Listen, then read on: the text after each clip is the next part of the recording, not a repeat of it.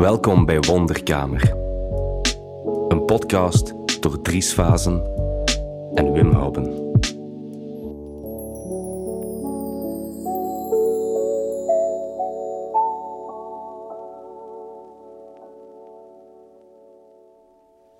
Hey Wim, Hey dag Dries. ça va? De allereerste podcast? Ja, de allereerste podcast. Ehm, ja, een ideetje dat eh, bij ons allebei wel al even rijpt, denk ik. Ik denk het ook. Ik denk dat we op café over een lekkere koffie al eh, veel dingen hebben besproken, of op de fiets. En eh, dat we gewoon veel dezelfde dingen lezen, dezelfde dingen bekijken en dezelfde podcasts luisteren, ook gewoon dezelfde interesses hebben. En dat wel eh, leuk is, dachten we, om die gesprekken gewoon eens op te nemen ook. Ja, en ja, ja. En we hebben zelfs al een naam, Ah ja, toch? Ja, de, de Wonderkamer. En eh, ja, de naam van deze podcast ehm, is ook meteen eigenlijk...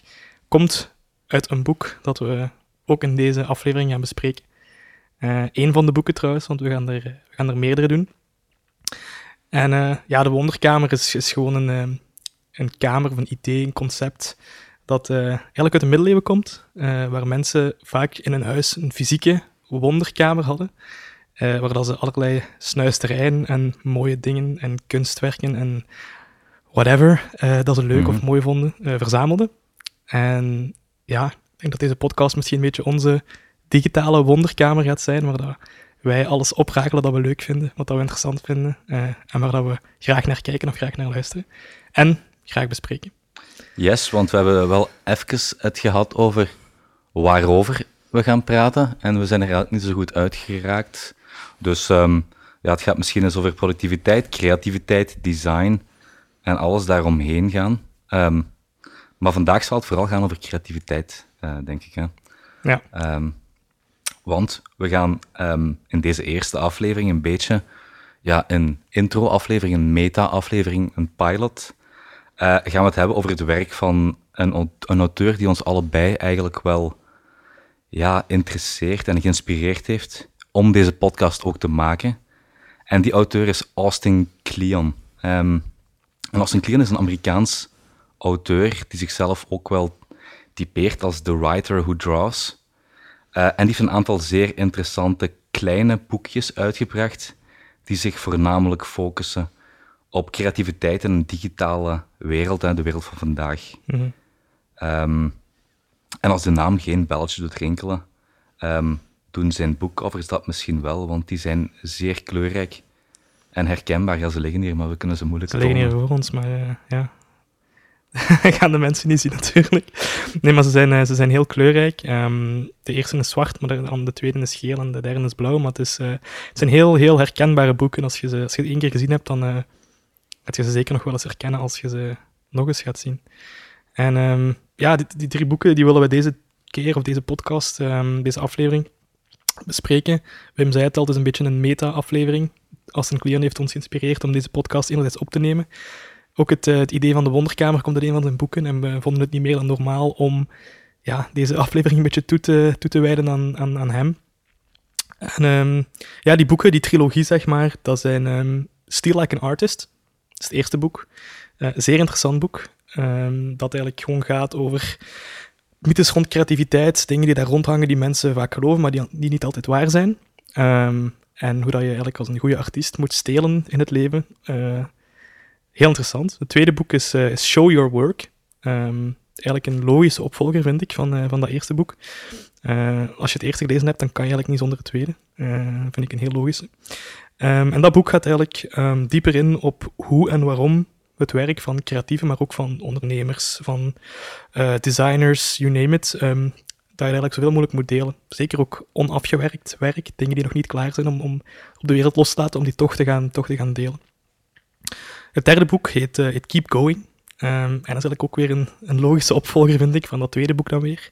Omdat het eerste boek gaat dan over het, het genereren van ideeën. Het tweede boek gaat dan over het, het delen van die ideeën. Mhm. En het derde, waar dat creatieven het vaak moeilijk mee hebben, is om eh, te blijven gaan. Hè. Creatief zijn is lastig, creatief zijn is moeilijk, kost veel energie. Ehm, en boek drie gaat dan over how to keep going. Ehm, how to stay creative, focused. En eh, true to yourself, basically. yes, yes. Ja, dus ik kan alleen maar beamen. Drie zeer toffe boekjes. Ehm, en misschien ook niet toevallig dat we deze boekjes als eerste nemen, want ze zijn ook eigenlijk heel gemakkelijk om te lezen. Ze zijn kort. Je zet er op een uurtje of twee per boekje zet je erdoor. Ze staan vol leuke tekeningetjes. Ehm, The Rider Who Draws. Hè? The Rider Who Draws. Dus ja, echt super leuke startersboekjes die eigenlijk perfect uh, en zeer gemakkelijk uh, te lezen zijn. En ook leuk om cadeau te geven trouwens. Ja, ja, ja perfecte cadeaus. Ik heb, ze, ik heb ze wel nog niet gegeven. Ja. dat is wel een goed idee. Ja. We zullen er misschien induiken in, mijn, uh, in boek 1 en ook meteen ja, in het boek dat mij ook tot uh, cliënt en werk heeft, heeft aangetrokken. Dat is, dat is Steal Like an Artist. Mm -hmm.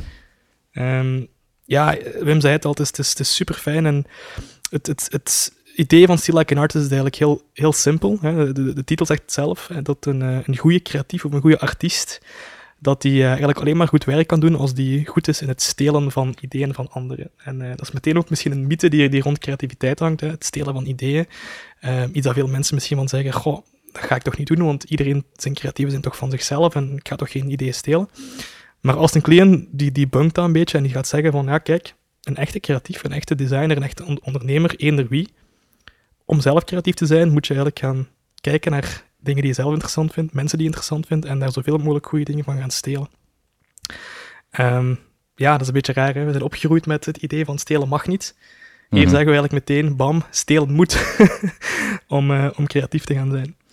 Um, dus ja, dat vind ik eigenlijk al meteen een, uh, een heel interessante titel en ook meteen een heel interessant statement waar dat, uh, hij zijn boek mee begint. Ja, en we hebben zo geleerd um, in school en op de universiteit dat je heel voorzichtig moet zijn met dingen overnemen. Er zijn natuurlijk ook een aantal, er zijn meerdere manieren van stelen, maar Austin Kleon nagelt er wel op. Denk ik dat je invloed moet omarmen en niets is origineel. Um, we denken dat we iets compleet nieuw moeten verzinnen om iets creatief te doen, uh, om iets te delen van onszelf, maar mm. eigenlijk is dat helemaal niet waar. Uh, een goede artiest begrijpt dat niets uh, uit het niks komt en alle vormen van creativiteit bouwt op wat er, uiteraard op wat er, wat er voorkwam. Um, dus ja, het is ook veel gemakkelijker om iets dat iemand anders al gemaakt heeft over te nemen en het uh, uw eigen te maken. Het is um, veel, veel moeilijker om iets compleet from scratch of, of, of van een wit papier te doen. En dat hoeft ook niet, denk ik. Hè. Ik denk dat dat ook vaak de mythe is van start with a blank sheet of paper, maar als je kijkt naar wat er, ook ik en, en, en, jij misschien dagelijks ook in uh, het werk dat je doet, ja, hoe vaak begint je van een leeg papier? Ik denk dat niemand dat doet. Mijn eerste iets is als ik iets nieuw moet maken, is kijken hoe dat andere mensen het doen of al opgelost hebben. Mm -hmm. En daar dan slim van te gaan stelen. Ik, ik begin heel zelden met een, uh, een wit papier. En ik denk dat dat ook gewoon een mindset shift is. Dat, dat creatief stelen, en dat ook wel juist stelen, want je hebt ook fout stelen, daar gaan we het misschien dadelijk even over hebben, maar het juist stelen van, van dingen is eigenlijk ja, voor mij de beste manier om snel up to speed te raken en snel creatief, uh, creatief te zijn. -hmm. Ja, absoluut. Um, en we, zijn misschien een beetje um, bevooroordeeld daar, want we zijn allebei bezig met design en daar wordt je van um, in de beginfase wel al geleerd van ga op zoek naar andere apps of, of, websites en uh, kopieer gewoon structuren die je daar ziet. en, en, en zo hebben wij dat wel een beetje geleerd, maar ik kan me inbeelden, en bij mezelf ook, is dat ik vaak mezelf betrap op ja, proberen iets uit het niks te maken en ja, dan, dan loopt het vroeg of laat wel, wel vast. Maar ja, dus dit is eigenlijk een, ja, de eerste de mythe van creativiteit. Hè. Die mensen moeten proberen te doorbreken. Mm -hmm. En als je dat begrijpt, zal alles ook uh, gemakkelijker gaan. Uh, je kunt stoppen met het proberen om iets uit het niets te maken en invloed omarmen in plaats van uh, er eigenlijk van weg te lopen. Mm -hmm. En eigenlijk houdt dat evolutionair gezien ook wel steek. Um, want er is een artikel dat ik ergens gevonden heb, um, Innovatie in het collectieve brein, um, van Jozef Henrich. Dat is een, ja, een professor in menselijke evolutionaire biologie aan Harvard. en die redeneert dat innovatie vaak gezien wordt als het werk van een klein aantal zeer getalenteerde individuen, uh, wiens ideeën en producten dan naar de grote massa worden geduwd of overhandigd. Maar hij, hij redeneert dat eigenlijk, en dat, dat strookt met wat Austin Kleon zegt, hè, dat mensen leren vaardigheden van elkaar door het kopiëren van de meest prestigieuze individuen. Hè. Iedereen kijkt naar de, Mm. de grote artiesten en probeert die mensen na te doen. En door dan die kleine imperfecties en toevallige foutjes die dan gemaakt worden met het imiteren van, Mm. die, van, die, grote, van die grote artiest, ehm, komen zeer kleine veranderingen en innovaties tot stand en waardoor een cultuur ehm, evolueert. Ja, ik denk dat dat ook een beetje is, en eigen is aan onze, hoe dat wij sommige mensen gaan beginnen verafgoden. Ehm gelijk in Steve Jobs en Albert Einstein, dat zijn allemaal van die individuen naar we naar opkijken en waarvan we denken van, goh, die mens of die persoon heeft dat één idee in de wereld gebracht, maar heel vaak is dat niet die ene mens geweest. Dat is die ene mens geweest, plus of maal zijn of haar invloeden. En ja, ik denk dat dat is dat we vaak vergeten. En, eh, die, die, die multiplication from talent of ideas, dat, dat, dat we dat vaak op één persoon afspelen. Ja, en, en, en bijvoorbeeld bij die, bij die grote figuur die je kent, ehm, je ziet waarschijnlijk enkel het belangrijke werk, maar al het werk Ook. dat bij hun daaraan vooraf gaat, proberen dingen te maken, proberen dingen te imiteren, en uiteindelijk komt er iets dat, dat succes heeft, maar al het zweet ervoor heb je niet gezien natuurlijk. Exact. Ehm, yes. Ehm, moeten we dan naar het volgende thema gaan? Ja, dus we zijn een beetje aan het cherrypicken uit, eh, uit zijn werk hier, maar er, er is zoveel. En een van zijn eigen regels is dat we ook gewoon dingen moeten knippen en eh, eruit halen wat het interessantste is. En dat zijn we hier ook meteen aan het doen. Ehm, ja, in Still Like an Artist hij zegt wel van ja, stelen en, en stelen van, van dingen die dat je zelf leuk vindt, moet je doen. Maar natuurlijk is hier ook het principe van ja, garbage in, garbage out. Ehm, je gaat niet zomaar stelen van iedereen. Je gaat stelen van dingen of mensen die dat je zelf interessant vindt of die zelf iets in je losmaken. Ehm, en zelfs daar, want dat is een beetje de fout die ik vaak maak, is je moet nog selectiever zijn dan dat je denkt. Omdat de goede artiest, zegt Cleon ook, is, niet zo'n information hoarder, maar die is, eh, die is zelf zeer selectief in, wat er gestolen wordt.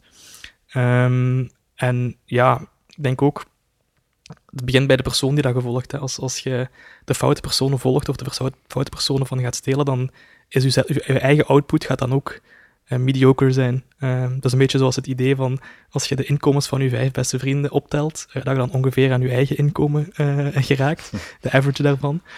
Als je dat hebt over een, een ID-income, en, je gaat kijken naar mensen die dat gevolgd, de vijf key figures die je inspiratie geven in je leven, en je gaat daar het average van nemen, ja, dat is wel wat je wilt, dat dat, dat op, een, op juiste positie zit. Ehm, dus ik denk dat het daarbij begint bij het, het volgen van eh, de juiste personen. Ja, inderdaad. ehm, dat merk ik ook wel heel hard. Dat ik ehm, dat mijn mening en mijn beeld van dingen wel bepaald wordt door, door de, ja, de, de mensen die ik volg op ehm, sociale media, dingen die ik lees. ehm, ja, dus, Heb je zo één persoon die je recent misschien eh, zit beginnen volgen, of die dat je al lang volgt en die al heel lang je, je mening mee aan het shapen is? Ja, dat is ja, in eerste instantie natuurlijk Austin Kleon. maar, maar, eh, ja, maar, wel al even eh, Austin Kleon. En ehm, ja, zeer recent ehm, ben ik in het, in het, in, ehm, in het gat van Naval Ravikant gekropen. Ehm, en ja, groot gat.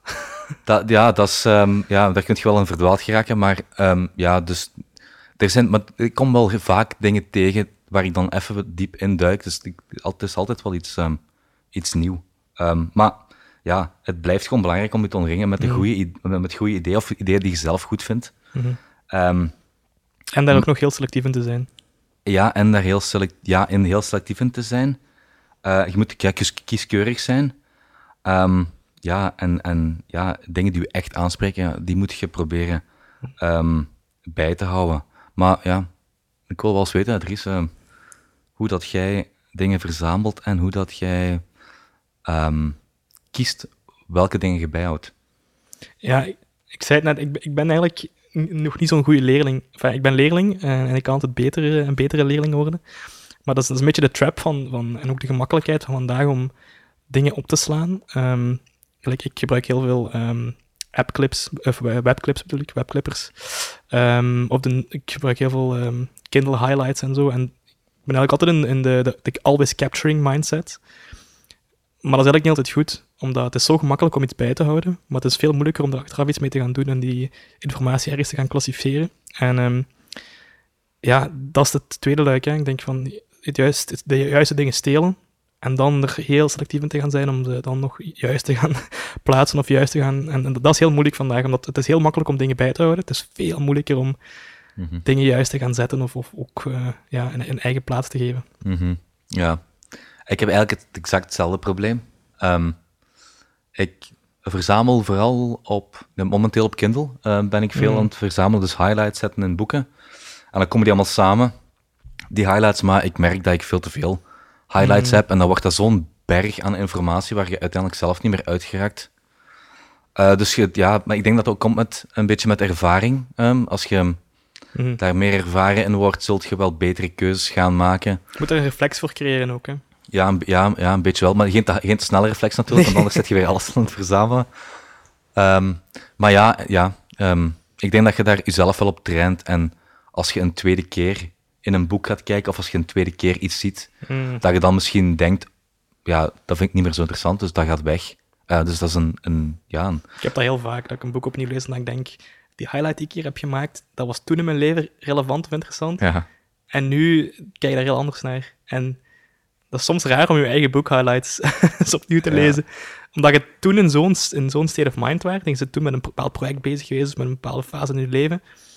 En als je dat dan gaat herlezen, dan denk je echt van, ha, waar komt dat ineens vandaan? ja, ja, ik heb hetzelfde gehad met, ik was nu voor deze aflevering natuurlijk mijn highlights uit Austin Kleon aan het bekijken en toen dacht ik echt, Wim, je hebt de helft van de belangrijke dingen niet gehighlight en je hebt de minst belangrijke dingen aangeduid. Dus ja. Ehm, ja, Climb Your Own Family Tree is ook een onderwerp dat we hier hebben staan, denk ik. Ehm, Ja, dat gaat eigenlijk ook over... Ja, als je op zoek wilt gaan naar dingen of mensen om van te stelen. En dat is eigenlijk een beetje, beetje Clean, die had altijd nu aan in zijn boek. Ook wel wat ik doe. Ik ga altijd, als ik een zelf een boek lees, ik ga altijd kijken in de, in de referenties van welke andere personen, welke andere boeken komen deze ideeën eigenlijk van. En heeft mij ook doen inzien dat als ik een boek lees, denk ik van, ah, deze auteur is zo slim. En als je dan in de referenties gaat kijken, zie je ook dat hij heel zijn story heeft opgebouwd en met punten Mhm. die van ergens anders komen. En niet om het, aan, allee, het idee af te breken. Ik bedoel, je moet nog steeds die story kunnen maken en nog steeds de dots connecten die je hebt verzameld. Maar ja, het heeft mij wel doen inzien dat inderdaad alles een beetje een remix is. Hè? En iedereen haalt ideeën ergens anders en ge- geeft er zijn eigen twist aan. Ehm, en dat is eigenlijk wat ik zelf ook altijd doe. Referenties gaan bekijken. Wie vindt die persoon, die auteur interessant? En dan daar dieper op ingaan. En dat is waar dat climbing your family tree of climbing the family tree over gaat. Hè? Ja, over gaat, ja, inderdaad. Ehm wat zelden over, ehm, ja, een- ten eerste boekreferenties, dus waar, waar halen schrijvers hun ideeën vandaan? Ehm, mensen die je op Twitter of op sociale media volgt, wie volgen die? Waar halen die Hmm. inspiratie? Dus je kunt eigenlijk overal wel het pad van iemand gaan terugwandelen. Ehm, Mhm. En dat is vaak interessant, vind ik. Ik vind het vaak interessanter dan, dan het uiteindelijke product ook te zien van welke sources hebben zij geraadpleegd om tot deze denkwijze of tot dit mentaal model te komen van hoe dat ze nu over iets anders gaan nadenken, bijvoorbeeld. Dat, doe, ik- dat doe ik heel vaak en dan soms kom ik dan iets tegen dat ik denk van, damn, interessante resource of ah, goed artikel, dit is echt de, de bron gewoon. ja. En dan ga ik dat zelf ook gebruiken. Ja, ja, ja. ja, ja. En ehm, eigenlijk zou het niet zo moeilijk mogen zijn dat je er echt naar op zoek moet. Want als je dan iemand van als Ali Abdaal ziet, ehm, die gooit het in je gezicht. Hè. Ik bedoel, die zegt, eh, Ja, ja, hier, ik heb dit gelezen, dit, dit en dit. Ik heb dat eruit gehaald. Lees dat ook. Ehm, Ja, ja. en, eh, dat is een beetje... maar daar gaan we het nog over hebben, denk ik. Hè.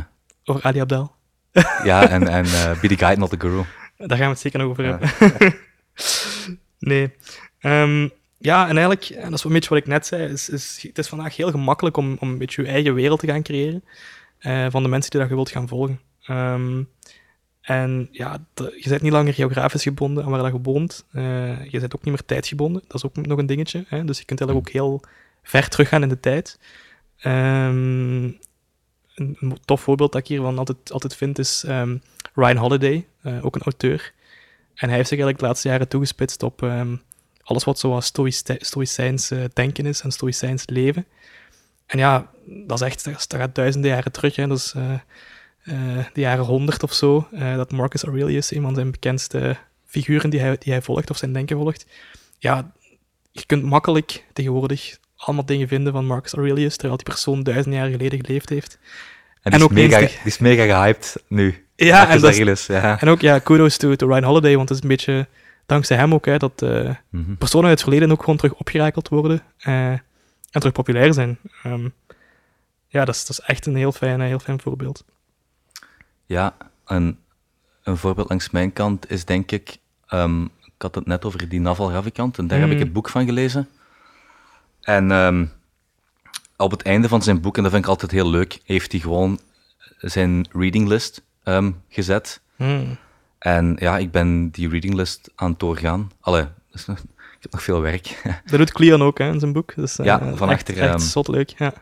Ja, inderdaad. Ik heb wel nog niet naar de referenties van Cleon gekeken, helaas.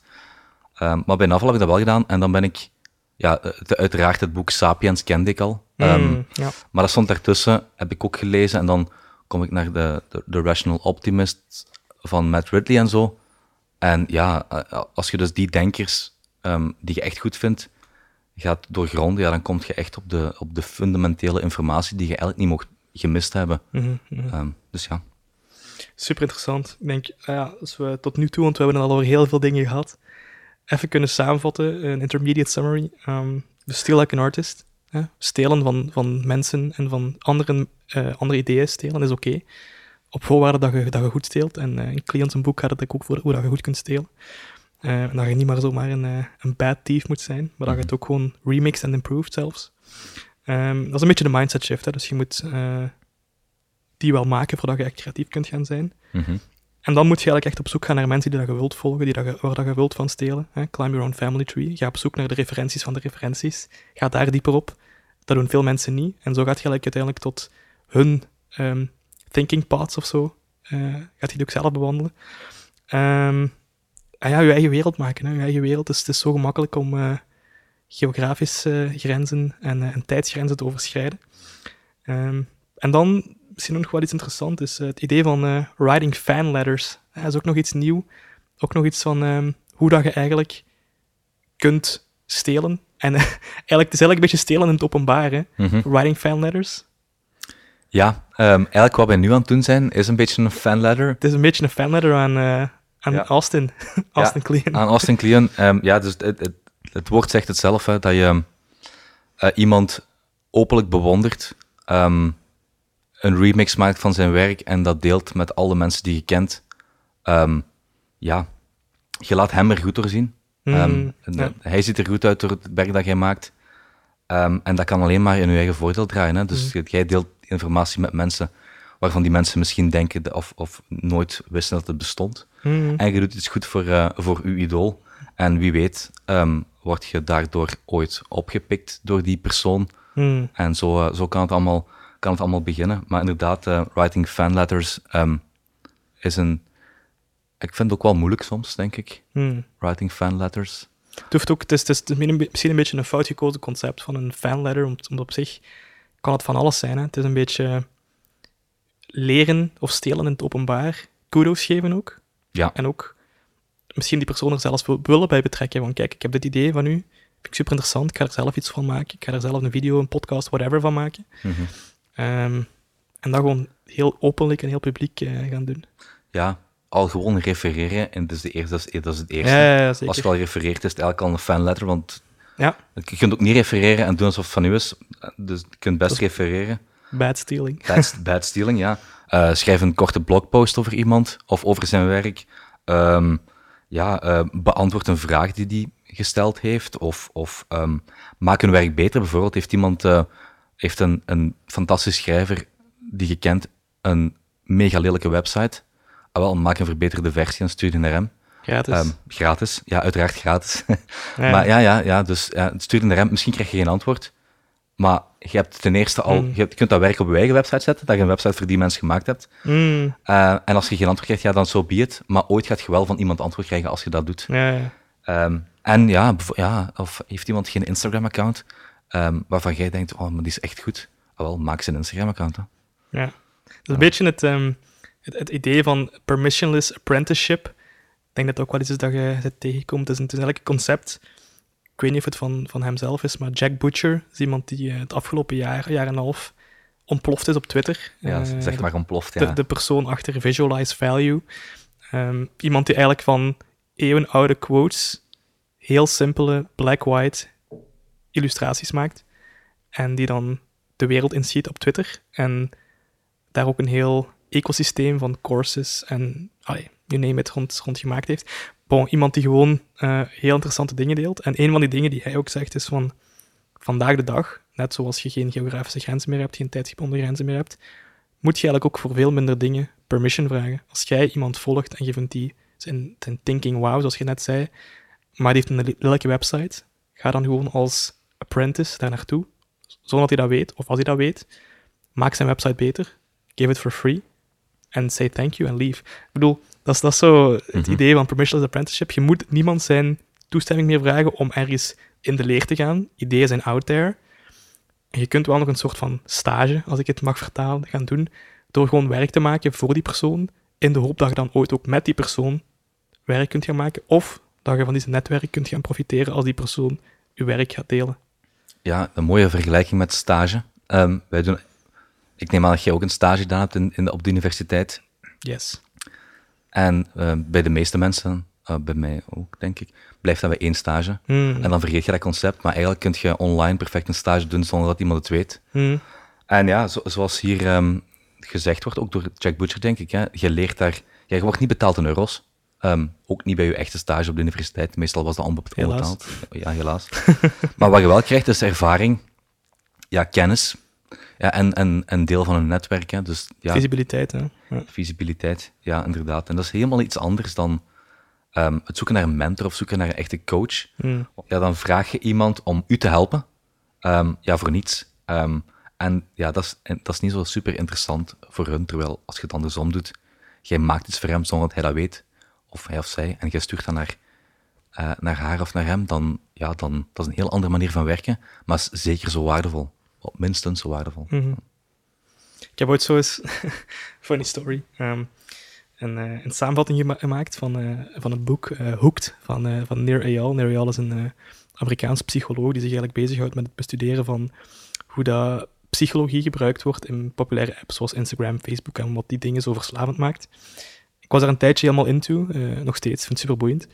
En ik dacht van, laat ik gewoon eens even een, uh, een soort van kaartspel maken, dat ik toen er tijds uh, met klanten in het agency waar ik werkte, mee aan de slag kon gaan om hun producten te gaan verbeteren. Um, en ik heb eigenlijk, ik heb eigenlijk zijn ideeën een beetje geremixed en improved. Ik heb daar mijn eigen ideeën wat bij betrokken, eigen voorbeelden bij gemaakt. En ik heb dat toen een paar keer gedeeld. Ik heb natuurlijk ook een aantal iteraties opgedaan, want het is niet van de eerste keer perfect. Mm -hmm. En uiteindelijk is het wel grappig. Um, had Nero dat ook gewoon gedeeld op zijn socials. En zei hij, maar ja, als je ooit een fysieke kaart hebt, want het was een kaartspel, uh, stuur het zeker aan mij op, ik ben heel geïnteresseerd. En uh, op zich, dat hoefde niet, hè, want ik deed het ook niet voor hem, maar het was wel leuk om zo'n beetje die zijn stamp of approval te hebben van, right, nice work. oh, en um, heb je het kaartspel nog? Ik heb het zeker nog, ja. Heb je het ook naar hem gestuurd? Ik denk het wel, ja. ja. En heeft hij er iets mee gedaan? Mee gedaan, weet ik niet. Ik heb het sowieso al verstuurd geweest. Um, maar het was ook... Nee, het was wel in het Engels, ja. Ik denk niet dat hij het echt actief gebruikt heeft, maar dat maakt, maakt mij op zich ook niet uit. Ah, nee, want... Dat, dat hoefde ook niet. het kaartspel zit in uw portfolio. Zeker. Um, ja, dus je hebt er van alles over geleerd, dus ja, dat is een perfecte voorbeeld. Exact. Uh, dan gaan we naar, ja, save your thefts for later. Um, bewaar uw uh, gestolen ideeën voor later. En dat is inderdaad, dat is een, een leuk onderwerp. Um, want ja, Austin Kleon, die ja, die zegt um, dat je altijd een, een, een, notitieboekje moet meedragen en waar je in, Hmm. kunt, in kunt kribbelen of dingen in kunt uh, opslaan, ideeën, gedachten, um, ervaringen, observaties. Uh, maar ik weet niet hoe dat bij u zit, Dries. Hmm. Ik, heb wel een, ik heb wel een notitieboek. Um, een fysiek boekje dat je meedraagt? ja, nee, meedragen niet. meedragen niet. Het, zit wel, het, staat, het ligt op mijn bureau wel. Hmm. dus als ik ideeën heb, schrijf ik daar wel soms iets, iets in. Uh, maar meestal gebruik ik gebruik vooral wel een, een notitieboekje voor mijn werk. Um, als ik in een vergadering zit, dan neem ik mm. daar zo notities mee. Maar echt een, met een notitieboekje op stap gaan, um, nee, niet echt. Ik weet niet hoe mm. dat u zit. ik gebruik gewoon mijn smartphone. Um, ik heb uh, iets wat ik tegenwoordig, dat is eigenlijk heel underrated, maar wat ik heel vaak gebruik, is gewoon mijn camera van mijn, van mijn smartphone. Ik maak zot veel foto's. En ook daar, het is makkelijker weer om foto's te maken dan om ze effectief achteraf te gaan selecteren bis uh, dingen naar de juiste plaats schieten. Um, Apple Notes ook uh, voor snelle notes, snelle thoughts, iets wat ik altijd gebruik en wat ik steeds vaker ook, en ook steeds meer begin te appreciëren ook. Het, het minimal design van Apple Notes. En dan voor de, de complexe stuff um, gebruik ik uh, tegenwoordig Evernote. Ik heb lang Notion gebruikt. Nog altijd heel grote Notion fanboy, maar um, Evernote doing the trick for me these days. Ja, ik weet dat, dat jij Evernote gebruikt. Jij zit een Obsidian ja. fanboy, hè? Hmm. ik weet het zelfs niet of ik een, of ik een fanboy ben. Um, maar mijn huidig systeem inderdaad is Obsidian, ja. Daar komen al mijn um, boek highlights binnen. En daar probeer ik dat zo wat te organiseren. En voor de rest um, gebruik ik ook Apple Notes. Ik heb ook maar pas begonnen uh, met Apple Notes. En ja, dat werkt heel gemakkelijk. Je kunt mm. gewoon iets typen.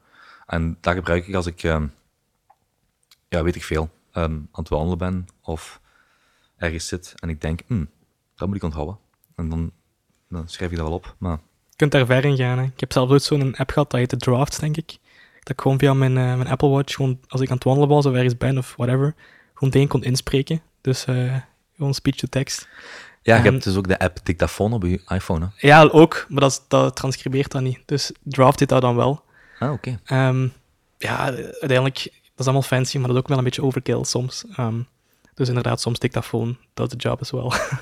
ja, nooit gebruikt wel. Dictafoon? ja, jawel. Um, uh, voor muziek, als ik, uh, ja, dan neem ik soms geluiden op. Ah ja, oké. Van, ja, van dingen die passeren of weet ik veel. Maar um, nee, echt iets inspreken om iets later te onthouden, no, ja, weinig. Nee. Hmm. Dat is wel goed, hè? Aanrader. Ja, ik zal het eens proberen. Aanrader. Nee, het is, uh, we zijn meer aan het afdwalen, Wim, maar um, we hebben nog steeds over Austin Kleon en uh, we zijn bijna eigenlijk aan het einde van zijn eerste boek, uh, Still Like an Artist. En misschien een laatste topic dat ook nog wel interessant is, is oké, je kunt allemaal stelen en zo, maar wat je daarmee gaat doen is ook wel belangrijk. Hè? En uh, een van de dingen die hij dan zegt is van ja, je moet eigenlijk niet wachten met weten wie dat je bent of wat dat heel je ding is dat je wilt maken of doen om te kunnen beginnen. Je kunt gewoon beginnen stelen en iets beginnen maken en dan find your way as you do it. Ja, um, ja inderdaad. Um, dus je moogt, als je, als je, ik denk als je zou wachten tot je er klaar voor bent, dan ga je nooit beginnen. Mm. Um, en ja, dat is een heel leuke zin die hier staat. Hè? Want er zit zoveel waarheid in, denk ik. Ik heb dat zelf ook ervaren. Um, dat je onzeker bent, dat je wacht met dingen, um, dat je dingen niet probeert. Of dat je dingen niet... Het schrik voor reacties, het schrik voor... Ja, onder andere. Shipping unfinished work, dat iets niet af is, omdat je nog niet zeker bent. Ik heb minder moeite met shipping unfinished work, want ik ben niet zo'n... Um, ik heb moeite met dingen tot in het detail afmaken. Hmm. Maar ik heb wel, als ik onzeker ben over een skill, dan ga ik het gewoon, dan, dan heb ik het gevoel dat ik het niet wil naar buiten brengen. Hmm. Ik heb het heel lang gehad met, uh, met muziek. Um, maar ja, gewoon even de stap gezet op een bepaald moment. Ik denk zelfs door dit boek te lezen, ik weet het niet. maar, um, maar ik, ik, kan het me niet meer herinneren. Uh, dan gewoon dingen naar buiten beginnen brengen en je merkt instant dat je dan stappen neemt die je anders nooit zou zetten. Mm. Uh, je kunt in je eigen kamer blijven prullen en doen. Um, maar je moet op een bepaald moment moet je die stressor hebben van iets naar buiten te brengen. Mm. Op een bepaald moment feedback te kunnen krijgen en jezelf daarin te verbeteren en durven dingen naar buiten brengen. Um, en dit doet me, dit deed me denken aan um, een, een, um, een blogpost van Seth Godin, een welbekende marketeer. Zeer bekend. Ja, die, die heeft een blogpost gemaakt over de writer's block. En dat is ook zo'n beetje een mythe mm, die daarmee samenhangt. en hij zegt ja, dat mensen die een writer's block ervaren, ja, die hebben geen probleem met teksten typen. Um, die hebben vooral een probleem met het leven met ja, slecht uh, schrijven, um, ja, imperfect schrijven en, mm. en, en ja, um, niet durven met slecht werk naar buiten komen. En dat is, dat is alles waar het over draait. Je, je kunt het draaien of keren hoe je wil. Um, in het begin mm. gaat je slecht werk naar buiten moeten brengen.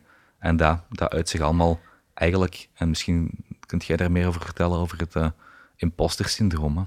Ja, ik denk dat dat een beetje aan de basis ligt van waarom dat mensen iets tot in de perfectie willen afleveren of maken totdat ze dat aan andere mensen tonen. Um, omdat je anders gaat een beetje voelen als een imposter, als een, als een bedrieger. Hè?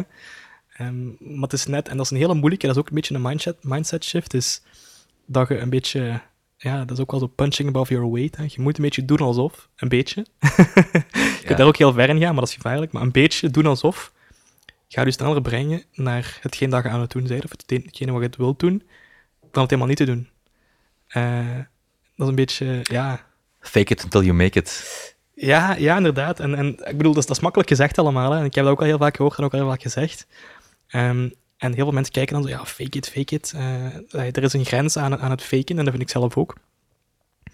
Maar er is, er is geen grens aan zo uh, een beetje punching above your weight. Als je jezelf confident genoeg maakt met unfinished work, mm -hmm. en dat deelt, en daar feedback op krijgt, gaat je veel sneller geraken waar, dat je, waar dat je wilt geraken. En gaat je ook je gaat ook verliezen dat imposter syndroom. Hè? Want je gaat ook eigenlijk merken van, ah ja, iedereen anders, iedereen waar ik naar opkijk, is ook maar is ook figuring it out along the way. Hè? En vanaf dat je dat beseft, en dat was voor mij een van mijn grootste creativiteitslevenslessen, of in general, is van iedereen waar jij naar opkijkt, is op zijn niveau of haar niveau ook aan het, ook aan het kijken van, ah, oké, wat, is, de volgende stap en hoe ga ik daar geraken? En is ook figuring it out along the way. En dat, dat was voor mij wel een, eh, een heel interessante insight. Ja, ja uh, iedereen is het nog maar aan het uitzoeken, maar meestal de mensen waar je naar opkijkt, zijn de mensen die al zo ver staan in hun leven. En um, als jij dan iets naar buiten brengt en um, je krijgt bijna geen feedback, omdat niemand kijkt over wat jij doet, um, dan kan dat wel eens moeilijk zijn. En ik heb één tip geleerd en ik probeer dat wel soms uh, te doen, is ja, de, de, tijd tussen het delen van werk en feedback krijgen te vergroten. Hmm. Want nu op sociale media, bedoel, je zet iets erop en soms heb ik ook de neiging zelfs om um, al snel terug te gaan en te kijken van, ah, heb ik al iets? Ah, dit, hmm. ah, dat. Waar zijn de notificaties? Um, maar dat is, dat is, dat is ja, uit een boze eigenlijk, want... Uh, hoe, hoe doe je dat dan? Als, als je iets, iets, iets deelt of, of iets maakt, hoe, dat is heel moeilijk om, toch om, om, om feedback volledig uit te sluiten. Ja. Omdat we in zo'n instant wereld leven. Daar heb ik een zeer moeilijke relatie mee met technologie. um, maar ik heb bijvoorbeeld ik heb geen enkele social media app op mijn telefoon staan. De, alles verwijderd. Maar dan, dan komt weer het ding van, ja, ik kan ook op Chrome op mijn gsm, ik kan op, op internet, en dan ga ik daar op Twitter kijken bijvoorbeeld. Ah. Niet goed. Um, maar dus ik probeer wel zo wat technieken te leren of, of te proberen om dat te vertragen. Lukt niet altijd, maar hmm. soms uh, probeer ik mezelf wijs te maken van kijk, je gaat niet, niet kijken tot vrijdag. Ja. soms, lukt, soms lukt dat niet. Maar er gewoon al ermee bezig zijn, denk ik dat een goed iets is dat je probeert toch u van die externe validatie af te zetten. Mm -hmm. um, ja, dat is belangrijk. Nee, klopt uiteindelijk, ja, het komt dan gewoon neer om, om ideeën te stelen. En, uh, en ze dan ook gewoon in front of others te gaan, gaan remixen en improven. En uiteindelijk is het ook gewoon dingen van het te delen met mensen. Hè. We gaan daar samen dieper binnen, ook in, uh, in boek 2 van Austin Kleon, dat is Share Your Work. Maar op zich, zegt Kleon ook, de secret formula, dat is gewoon do good work and share it with people. That's it. En de rest volgt, natuurlijkerwijze. Yes, en um, over de twee valt wel iets te zeggen. Uh, do good work is stap 1 en dat is de moeilijkste stap. Hè? Zeker. Um, want uh, voor die stap zijn absoluut geen binnenwegen. Je kunt geen binnenweg pakken. Ik bedoel, je moet je skill uh, moet je ontwikkelen en dat doet je enkel en alleen. En dat hebben we net ook al gezegd, is dingen naar buiten brengen, improven, itereren op je werk en zo. Um, Learning in front of others, hè? Ja, inderdaad. En zo stilaan beter worden. Maar je gaat door een moeilijke tijd moeten gaan om tot goed werk te komen. Mm -hmm. Dus dat is absoluut de moeilijkste stap. Ja. Um, en stap twee, hè, iets delen met mensen, is nog nooit zo gemakkelijk geweest. Hè. Mm -hmm. uh, dus dat, dat wordt enkel gemakkelijker. Iedereen op deze planeet, alle, niet iedereen, maar uh, pak een aantal miljard mensen, kunnen met bijna geen enkel kapitaal uh, hun ideeën naar buiten brengen. Uh, en dat is ook terugkoppelend naar um, hè, stap 1, maak goed werk. Waarom dat zo belangrijk wordt, omdat eigenlijk iedereen kan meedoen. Iedereen zit Mm. in de game. Um, dus wat je naar buiten brengt, moet uiteindelijk wel goed zijn om er tussenuit te, komen. Absoluut, absoluut. Nee, dat is uh, super interessant.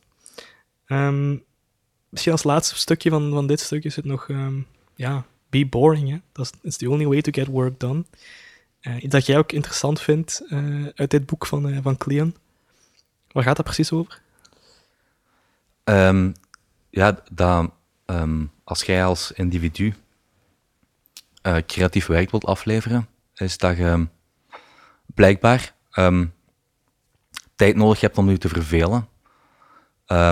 waarom? Omdat ja, je merkt dat misschien zelf ook in als je op het werk bent of zo, als je echt druk, als je druk bezig bent, is er bijna geen plaats voor frisse ideeën, creatieve ideeën. Terwijl, ik merk dat wel bij mezelf, dat als ik tijd pak voor iets en als ik ehm, mijn kalender zo wat leeg hou, eh, bijvoorbeeld in het weekend of uh, in, door de week, s'avonds, uh, dat ik wel dat ik dingen gedaan krijg op creatief vlak. Hmm. Um, dus ja, je moet een beetje tijd maken voor verveling. Um, en ja, dat is ook, dat is ook ook vaak onderzoek naar gedaan. Hè. Je hebt uh, Jonathan Schooler is een onderzoeker en die heeft onderzoek gedaan naar dagdromen. Um, En uw brein blijkbaar maakt ook echt ongewone connecties uh, tussen ideeën, herinneringen hmm. en ervaringen als jij niet um, actief met een taak bezig bent. Dus als jij een beetje aan het dromen bent, als je aan het dagdromen bent, um, als je aan het wandelen bent, als je aan het douchen bent, je gaat merken, of iedereen, iedereen merkt dat, die, ja, die random momenten, dan is je brein bezig met, uh, met ideeën. En ik kan ook echt goed in de auto weg, dat is niet goed eigenlijk, maar ik kan in de auto echt um, wazig zijn en, en aan, het wegdromen um, over ja, van alle dingen. Ja. Dit is interessant. Ik heb, ken zelfs mensen, niet veel, één eigenlijk. onze, onze favoriete productiviteitsguru Ali Abdaal, die uh, op een gegeven moment geëxperimenteerd heeft met het, uh, het hangen van een uh, waterproof notitieboekje in zijn douche, omdat hij daar uh, de beste ideeën kreeg terwijl hij aan het wandelen was onder het, het, warme water van de douche. Ja. Misschien dat wij niet zo ver gaan, maar het is, het is, inderdaad wel waar dat je op random momenten, wanneer dat je tijd hebt om je hoofd even leeg te maken, dat je dan met andere dingen komt die je anders nooit in je hoofd zou, zou kunnen krijgen. Ja, en uh, het mooie aan dat voorbeeld van Ali Abdaal is, is eigenlijk wel slim, want inspiratie vliegt weg voordat je het weet. Hè. Dus uh, je hebt een idee, en als je dat niet ergens opslaat. Meteen dus captured. in, in, Apple Notes of hij op zijn notitieboek in de douche. um, ja, dan, dan is het weg. Ja. Um, ja. Nee, cool. Ik denk, uh, ja, als, als finale quote van, uh, van dit stuk van het, uh, van het boek was nog Creativity starts with an empty calendar and ends with a full one. Van uh, Naval Ravikant, een van uw favoriete ja, denkers. ja, um, ja, ja goede quote. Heeft er, heeft er een aantal over creativiteit en er zit veel waarheid in, denk ik. Cool. Nee, dat brengt ons uh, bij, uh, bij stuk 2. En we hebben eigenlijk al heel lang gebabbeld over uh, boek 1. Boek 2 is Show Your Work. Zal ik meteen ook ja, stap 2 van het creatieve proces. Eén is het zoeken van inspiratie en het stelen daarvan. Het tweede, en dat hebben we eigenlijk al kort um, getipt, is het delen van, van dingen. Het is een hele goede aanvulling. Um, en Cleon zegt het eigenlijk in, uh, in één zin, en twee stappen opnieuw. Hij is wel fan van, uh, van de twee stappen. Dat is wonder at something. En dan, step two is invite others to wonder with you. Boeiend, hè? Ja, ja, inderdaad, boeiend. Het heeft een beetje te maken met wat we net besproken hebben. Ook stap 1, eh, maak goed werk en deel het met anderen. Exact. Maar hier gaat het dan meer over, um, zelfs als je nog niet ervaren genoeg bent om jezelf iets te maken, ja. Um, ja, vertel gewoon online of aan mensen waar je geïnspireerd door bent. En je gaat mensen vinden die door dezelfde dingen geïnspireerd zijn. En dat is mm. exact wat Ali Abdaal uh, zo bekend mee geworden is. Eigenlijk, En wat dat wij nu aan het doen zijn eigenlijk. Hè? Ja, nog niet, nog, nog, nog, niet bekend, maar, maar ja, we proberen. Inderdaad, zoals je zegt, dat ook al weet je nog niet goed wat je wilt maken of doen, dat je wel in het openbaar kunt je dingen afvragen en vragen kunt stellen. En Cleon in zijn boek Show Your Work zegt dan van ja, je moet eigenlijk je omgeven in een soort van genius, bepaalde scene of geniuses. Uh, daar hadden we het net eigenlijk ook al over, over je omringen met de juiste mensen en daar dingen van stelen.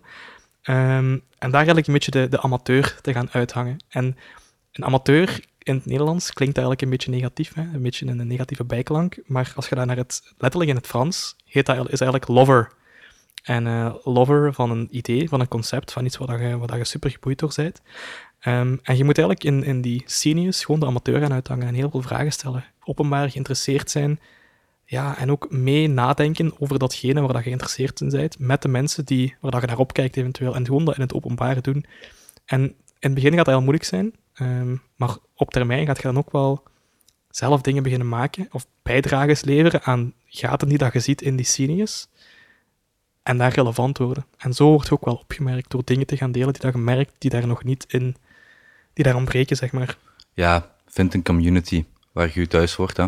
Kortweg. Ja, waar, je, dat? waar je thuis voelt. En, en ehm, ja, komt, gaat ook een beetje weer terug, naar wat we al besproken hebben, maar ehm, ja, dat het niet door een aantal individuen eh, of Mhm. individuele genieën gaat, maar dat een connectie tussen mensen en handel tussen ideeën, eh, wat in Mhm. een community gebeurt en mensen die op andere ideeën bouwen, dat dat zo ongelooflijk belangrijk is. En ik denk dat je bijna elke grote artiest in het verleden ehm, kunt nagaan en je gaat zien dat die allemaal deel uitmaakten van Hmm, een community. genius. En misschien uiteraard degene die wij kennen, zijn dan die, die enkele die, daar, die daaruit schieten. Hmm. Maar dat waren, er waren sowieso ehm, ja, tien van dezelfde personen in die community. Zeker. En, en dat hoeft ook niet een letterlijke community te zijn. Hè. Dat kan ook gewoon een, een gedachtencommunity zijn. Hè. Ja. De referenties van een boek is ook een community, maar een gedachtencommunity. Ja, En, en ik denk, als, als je dat gaat zien als je, als je eigen genius, van wa- wie, wie zit er in mijn gedachtencommunity? Ehm ja, dat is, dat, is, dat is interessant. Hè. Dat is leuk wat gezegd, de gedachtencommunity. Ik heb er niet over nagedacht eigenlijk, maar inderdaad, er zit een community in mijn hoofd van een aantal mensen die ik interessant vind. Stemmetjes in je hoofd, Wim. Ah, ja. Ah, Dus de community bestaat eigenlijk niet echt, ze zit gewoon in mijn hoofd. Ja, Oké, ja. nice. Nee, maar het is, het is eigenlijk ehm, wat dat Clean daar ook zei in, in zijn tweede boek, Show Your Work, is je gaat dingen delen, je gaat je, show, werk showen, ehm, maar dat is niet per se omdat je zelf iets te zeggen hebt, maar eerder omdat je op zoek bent na- naar iets om te zeggen. Dus eh, you don't put yourself online because you have something to say. You put yourself online to find something to say. En ik denk, die mindset shift van jezelf eh, op sociale media of wherever ehm, te gaan voordoen als iemand die heel veel weet, dat hoeft niet. Dat hoeft echt niet. Je gaat gewoon zelf op zoek moeten gaan, wel door dingen te delen uiteraard, Mhm. Naar iets wat je zelf op termijn kunt gaan bekend voor staan. Ja, Dat is het hele idee. en ook ja, door dingen te delen en misschien nog niet per se maken, maar ik, ik, ik link het dan vooral aan dingen maken, is dat je door het maken van dingen ook leert wat je leuk vindt en wat je, Mm, waar je goed in bent. Hè. Als je nooit iets gemaakt hebt, dan weet je niet of je daar goed in zit of, of je dat leuk vindt. En dus je gaat jezelf leren kennen eh, door ja, actie te ondernemen. Hè. Daar gaat het eigenlijk over. Ja. Zeker. Het is, het is wel makkelijk gezegd natuurlijk, hè, van show your work. En, en ik kan me inbeelden dat heel veel mensen zich dan afvragen van, ja, ik heb eigenlijk niks om te delen. Of, eh, ik, heb, ik volg wel een aantal interessante mensen, maar ik heb geen flauw idee waar dat ik nu, eh, wat ik zou moeten beginnen delen. Maar er zijn wel een aantal interessante eh, dingen die dat je kunt doen om snel en gemakkelijk te be- ja, je kunt beginnen met dingen te delen. Mhm. In, in de boeken van Clean staan er een paar. Dus het eerste, het, hele, het hele idee van het eerste boek is: steel iemand anders zijn idee en maak er je eigen ding van. Of zoals wij deze podcast doen over Austin Kleon. Dat is op zich ook het stelen van ideeën, maar het juist stelen daarvan. Mhm. En een tweede, en dat ik ook, ook interessant vind, en wat heel veel mensen misschien ook wel kunnen gebruiken, is om eh, niet per se je product te tonen, maar mensen eigenlijk behind, of hetgeen dat je aan het maken bent, maar mensen achter de schermen mee te nemen in het proces van het maken. En dat te gaan documenteren en dat te gaan delen. Dat is vaak gemakkelijker dan te wachten totdat je een product hebt dat helemaal perfect in orde is en klaar om de wereld in te sturen. En enkel dat naar buiten brengen. Ja, Dat is een beetje... Ja, nee, daar gaan we, die vergelijking gaan we niet maken. Maar ehm, ja, zoals we hier bezig zijn, zou je, in, in, als je zo denkt, talk process, not product, mhm, zou je kunnen denken, ah, maar we hebben nu, eh, we hebben dit beginnen voorbereiden, dus we hebben misschien wat aantekeningen gemaakt in, in, in het boekje, maak er een foto van, deel dat. Eh, we hebben hier in Notion een, een document gemaakt, ja, maak er een foto van, we delen dat. We kunnen die tekst gebruiken in een blogpost, oké, daar kunnen we weer iets van maken. Dus heel dat, al, al uw werk wat, wat, wat je maakt om uiteindelijk tot dit product te komen, deze Mm. opname, eh, kunt je ja, opknippen in allemaal verschillende interessante dingen voor mensen die een blik achter de schermen willen hebben. Dus Mhm. bijvoorbeeld als wij eh, morgen aan het knippen zijn en dingen eruit aan het halen zijn in, in een muzieksoftware, o- ook dat kan, kan een leuke inzicht zijn voor, voor Mm. mensen. Eh, dus ja, je kunt, je kunt zoveel, je kunt iets maken en dat zo uitrekken, of heel dat proces bekijken en dat allemaal Mm. tentoonstellen eigenlijk, ja. En dat, dat vergeten mensen vaak. En ik, ook weer, ik wil hier opnieuw even refereren naar eh, onze vriend Jack Butcher, maar die heeft daar ook weer iets heel interessants rond gezegd. En het, het is niet zijn idee hoor, maar het gaat over eh, selling your sawdust. En dat gaat eigenlijk over, stel, het gaat over uw zaagmeel, of eh, hoe zeggen ze dat in het Nederlands, uw sawdust. Eh, stel dat jij kasten maakt eh, en je wilt die kast verkopen, dat kan best lang duren tegen dat je een mooie kast hebt gemaakt. Maar ondertussen dat je die kast aan het schaven en aan het zagen en aan het maken bent, kun je eigenlijk al het bijproduct, zijn uh, uw sawdust, al beginnen tonen of verkopen aan mensen. Eh, niet in de letterlijke zin, maar als je dat, de vergelijking doortrekt naar het werk dat wij bijvoorbeeld doen. Als je een YouTube-video maakt, maak even een behind the scenes. Laat mensen weten van, er komt een YouTube-video aan. Als jij een kunstwerk aan het schilderen bent, wacht niet tot dat helemaal af is, wat misschien een jaar kan duren. Maak dan een keer een behind the scenes van hoe dat je een bepaalde brushstroke aan het, aan het uitvoeren bent. Of, of van die dingen, van een beetje je proces laten zien. Achter de schermen mensen meepakken. Gaat ook interesse wekken in wat je aan het doen bent. En misschien, als je iets verkoopt, ook in het eindproduct daarvan. Ehm, dus de, de, process of honing your product is an engine for content in real time, zegt Jack Butcher. Dus wat dat je aan het doen bent, documenteer dat. Mhm. Ehm, dat, dat doet me denken aan die aan ah ja, Gary Vaynerchuk. Ehm, ja, die, die eh, predikt dat constant. Is dat je Yes. in plaats van te focussen op dingen maken, wat heel veel mensen proberen, maar dat is, eh, uiteraard is dat, is dat moeilijk. En ehm, het is volgens hem, en ik, ik, ik, vind me daar wel in, in eerste instantie uw taak om gewoon eh, te documenteren wat je doet, waar je mee bezig bent, dingen die je interessant vindt, en die gewoon durven ehm, naar andere mensen eh, gooien, omdat ja, het voor iedereen interessant zijn. En dat doet me eraan denken dat eh jij bent, ja, bent een persoon, maar er zijn altijd personen die nog minder weten dan u. Ehm, ook al zijt je de grootste amateur die er is, er zijn altijd mensen die ervan kunnen leren. Ehm, er is altijd iemand voor u. Dus ja, je- je- op elk moment, je moet geen expert zijn, je moet geen academicus zijn om dingen te delen die voor andere, dingen, men- voor andere mensen interessant kunnen zijn. Want iedereen kan u vinden. De, de, de, meest, de meest onervaren mensen kunnen en gaan u vinden. Ja. Het is heel boeiend en ik heb daar, ik heb daar vorig jaar zelfs met iemand op, op LinkedIn een, eh, een publieke discussie over gehad. Ehm, Yay. Het gaat eigenlijk over het idee van eh, what's obvious to you is amazing of can be amazing to others, eh, van Derek Sivers. Die zegt ook van ja, wa- wat voor u misschien al gewoon is, omdat je daar al zo diep in zit of dat je daar al zoveel ervaring mee hebt, is voor de persoon die achter u staat misschien een, totaal compleet vernieuwend idee of concept of whatever. En het, ging toen, die dis- discussie ging over wat, wat is een expert eigenlijk?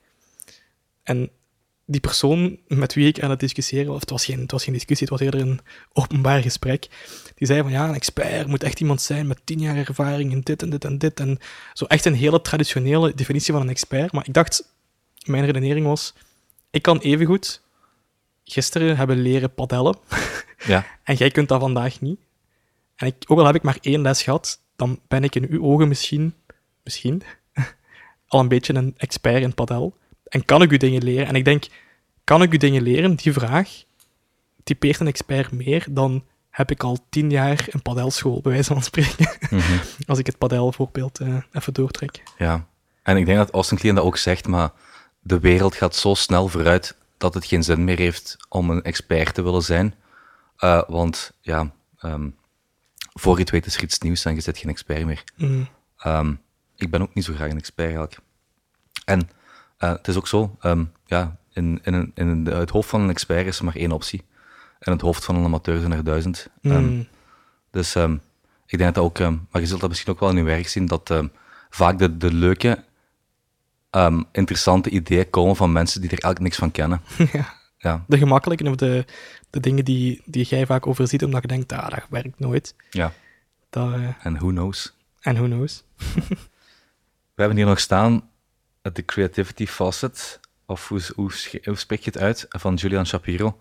Ik heb dat ehm, alles gelezen. Ehm, niet grondig, maar het gaat erover dat als jij tot goed creatief werk wilt komen, dat het slechte er eerst uit moet. Hè? Mhm. Ja, de creativity facet, dat is eigenlijk, dat is eigenlijk nog een manier om, om u, het, het werk dat je gaat delen te, te beschouwen. Is, je moet eigenlijk zien als zo'n beetje een, eh, een kraantje, een, eh, een kraan waar dat grondwater doorloopt. En ik weet niet of dat je heel vaak een, eh, een kraan waar dat grondwater doorloopt hebt aangedraaid. Ja, Maar het eerste water wat daaruit komt, ja, dat is bruin. dat is bruin en dat is vies. En dat duurt even zeggen dat er helder water uitkomt, uh, dat proper is, zodat je ook uh, gewoon kunt drinken en zo. En dat is ook een beetje een manier om creativiteit te gaan bekijken, is als, een, als het, het, het, het, kraantje waar dat grondwater uitkomt. Het eerste wat eruit komt is altijd vies. En mm. het niet waard om, het waard om te maken, maar het misschien niet waard om te gaan delen.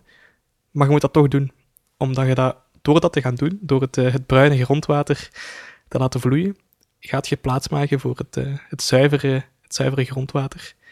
Um, en dat is, het, dat is het hele idee van uh, de creativity facet van uh, Julian Shapiro. Ja, mooi gezegd. En ja, het naar buiten brengen van het vuile grondwater is de eerste en ook de moeilijkste stappen. Dat is echt. Ja. Dat is ook hoe dat, hoe dat veel, en dat is ook een artikel van, van Shapiro dat er helemaal over gaat. We zullen het misschien ook uh, delen met, met iedereen hier. Maar um, dat, ja, gelijk mensen like Ed Sheeran en bekende songwriters, die hebben dat allemaal gemasterd. Die, die weten hoe dat, dat werkt. Die weten dat de eerste tien nummers die ze schrijven, dat dat crap is. Mhm. Maar die weten wel, nummer 11 gaat een wereldhit zijn. Maar je kunt niet beginnen bij, bij nummer 11. Je moet door de tien uh, bruine grondwaterstukjes tegen dat je aan nummer 11, a.k.a. wereldhit bent. Um, ja, absoluut. Um, je moet en dat is quantity leads to quality. Hè? Dus, dus ja, uh, Mooi. Hier, zijn we weer. Uh, ja, maar ja, het, is, het is gewoon waar. Hè. Um, ja, hoe, um, hoe vaker je iets maakt, um, bijvoorbeeld, laten we bijvoorbeeld muziek nemen, mm. hoe vaker je door hetzelfde proces gaat. Van we maken een nummer, brengen het uit. We maken een nummer, brengen het uit. Hoe, hoe snel je dat gaat masteren. En uiteindelijk, in het begin gaat dat inderdaad super slecht zijn maar er gaat een hit uitkomen. Um, het heeft, je hebt gewoon geduld nodig. En geduld hebben we misschien vaak te weinig in creativiteit. Ik denk ook dat, dat je als creatief of als, als, als persoon die dingen deelt, ook veel te veel belang hecht aan het, het, het, misschien het grondwater dat je deelt. Omdat je denkt van, ah, dat is slecht, ik ga dat niet delen. Maar je moet je eens afvragen hoeveel mensen zich nog gaan herinneren uh, binnen tien jaar wat dat jij vandaag de dag hebt gedeeld. Ja. Dat is, dat is heel weinig. En, mensen willen dat zien, grondwater. Ook. Wij, wij, wij zouden dat willen zien. Ja, ja. uh, maar gelijk, ja, het is, het is gelijk Mozart, hoe, hoeveel honderden stukken heeft hij niet gepubliceerd en hoeveel kent je er vandaag? Ja, drie of zo. Ja, ja. ja hetzelfde met, uh, met Thomas Edison, hè. die heeft misschien ook meer dan duizend patenten. En die met één patent, of misschien een paar, ja, daar gaat je die vandaag nog door herinneren. En dat is een beetje de, de long-term game dat je ook wilt spelen. Dan als je, als je dingen wilt maken of dingen wilt delen, is het, het grondwater wat er vandaag uitkomt, nobody cares binnen tien jaar. Ja. Maar het gaat je wel binnen tien jaar ergens zorgen dat je ergens staat. Ja, en dan, gaat, dan gaan we eigenlijk vloeiend naar het, het derde boek eigenlijk. Hè? Keep um, going. Keep going. Um, ja. wat een mooie overgang. Wat een fantastische overgang. Smooth.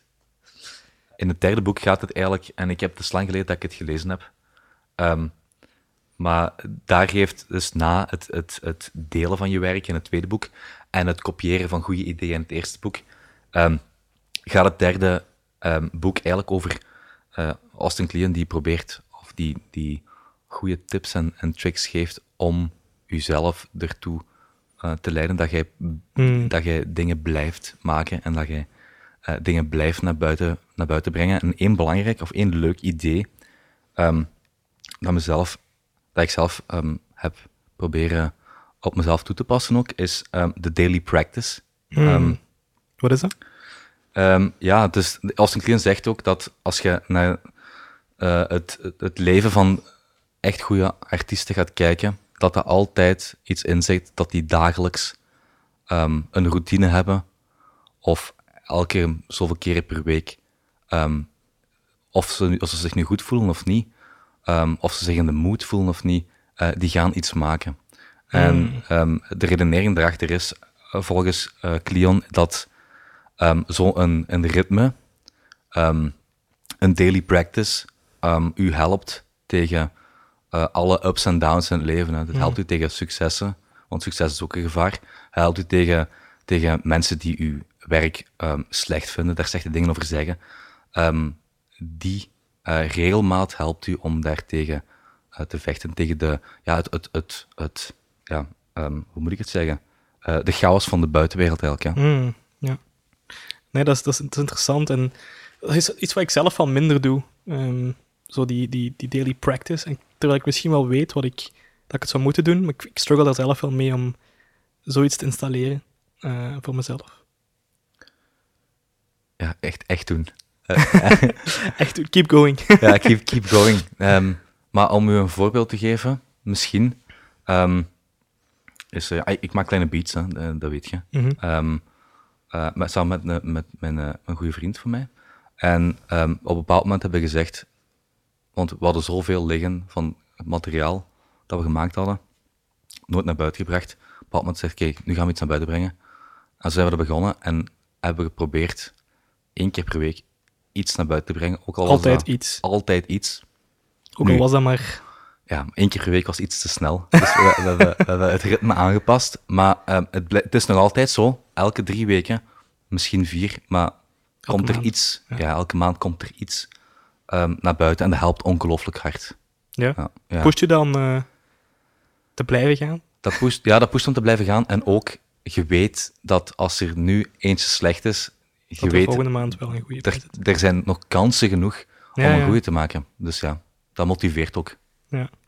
Wat ik eh, meepak uit dat boek is, en dat probeer ik tegenwoordig steeds vaker te doen, dat is een idee van, ehm eh, ah, hij noemt dat Every Day is Groundhog Day.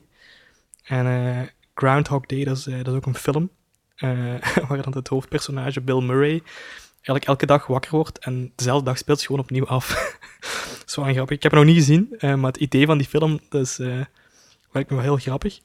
En wat dat, dat idee is, is eigenlijk van, ja, als, als vandaag gewoon een slechte dag was, groundhog it tomorrow. Dus probeer gewoon morgen opnieuw. Ik denk dat mensen dat vandaag, ik, ik ook trouwens, vandaag, oh, heel de dag, ehm, ik denk dat mensen dat vandaag de dag vergeten, dat je morgen nog een nieuwe kans hebt om hetgeen dat je vandaag misschien niet zo energized voor bent, niet genoeg inspiratie voor hebt, of je gewoon not feeling it today. Ik bedoel, het is heel moeilijk om als creatief het elke dag te presteren.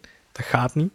Ik denk dat jij dat ook wel merkt. Ik merk dat ook. Je kunt niet acht uur per dag, zet minder, elke dag van de week 100% performen.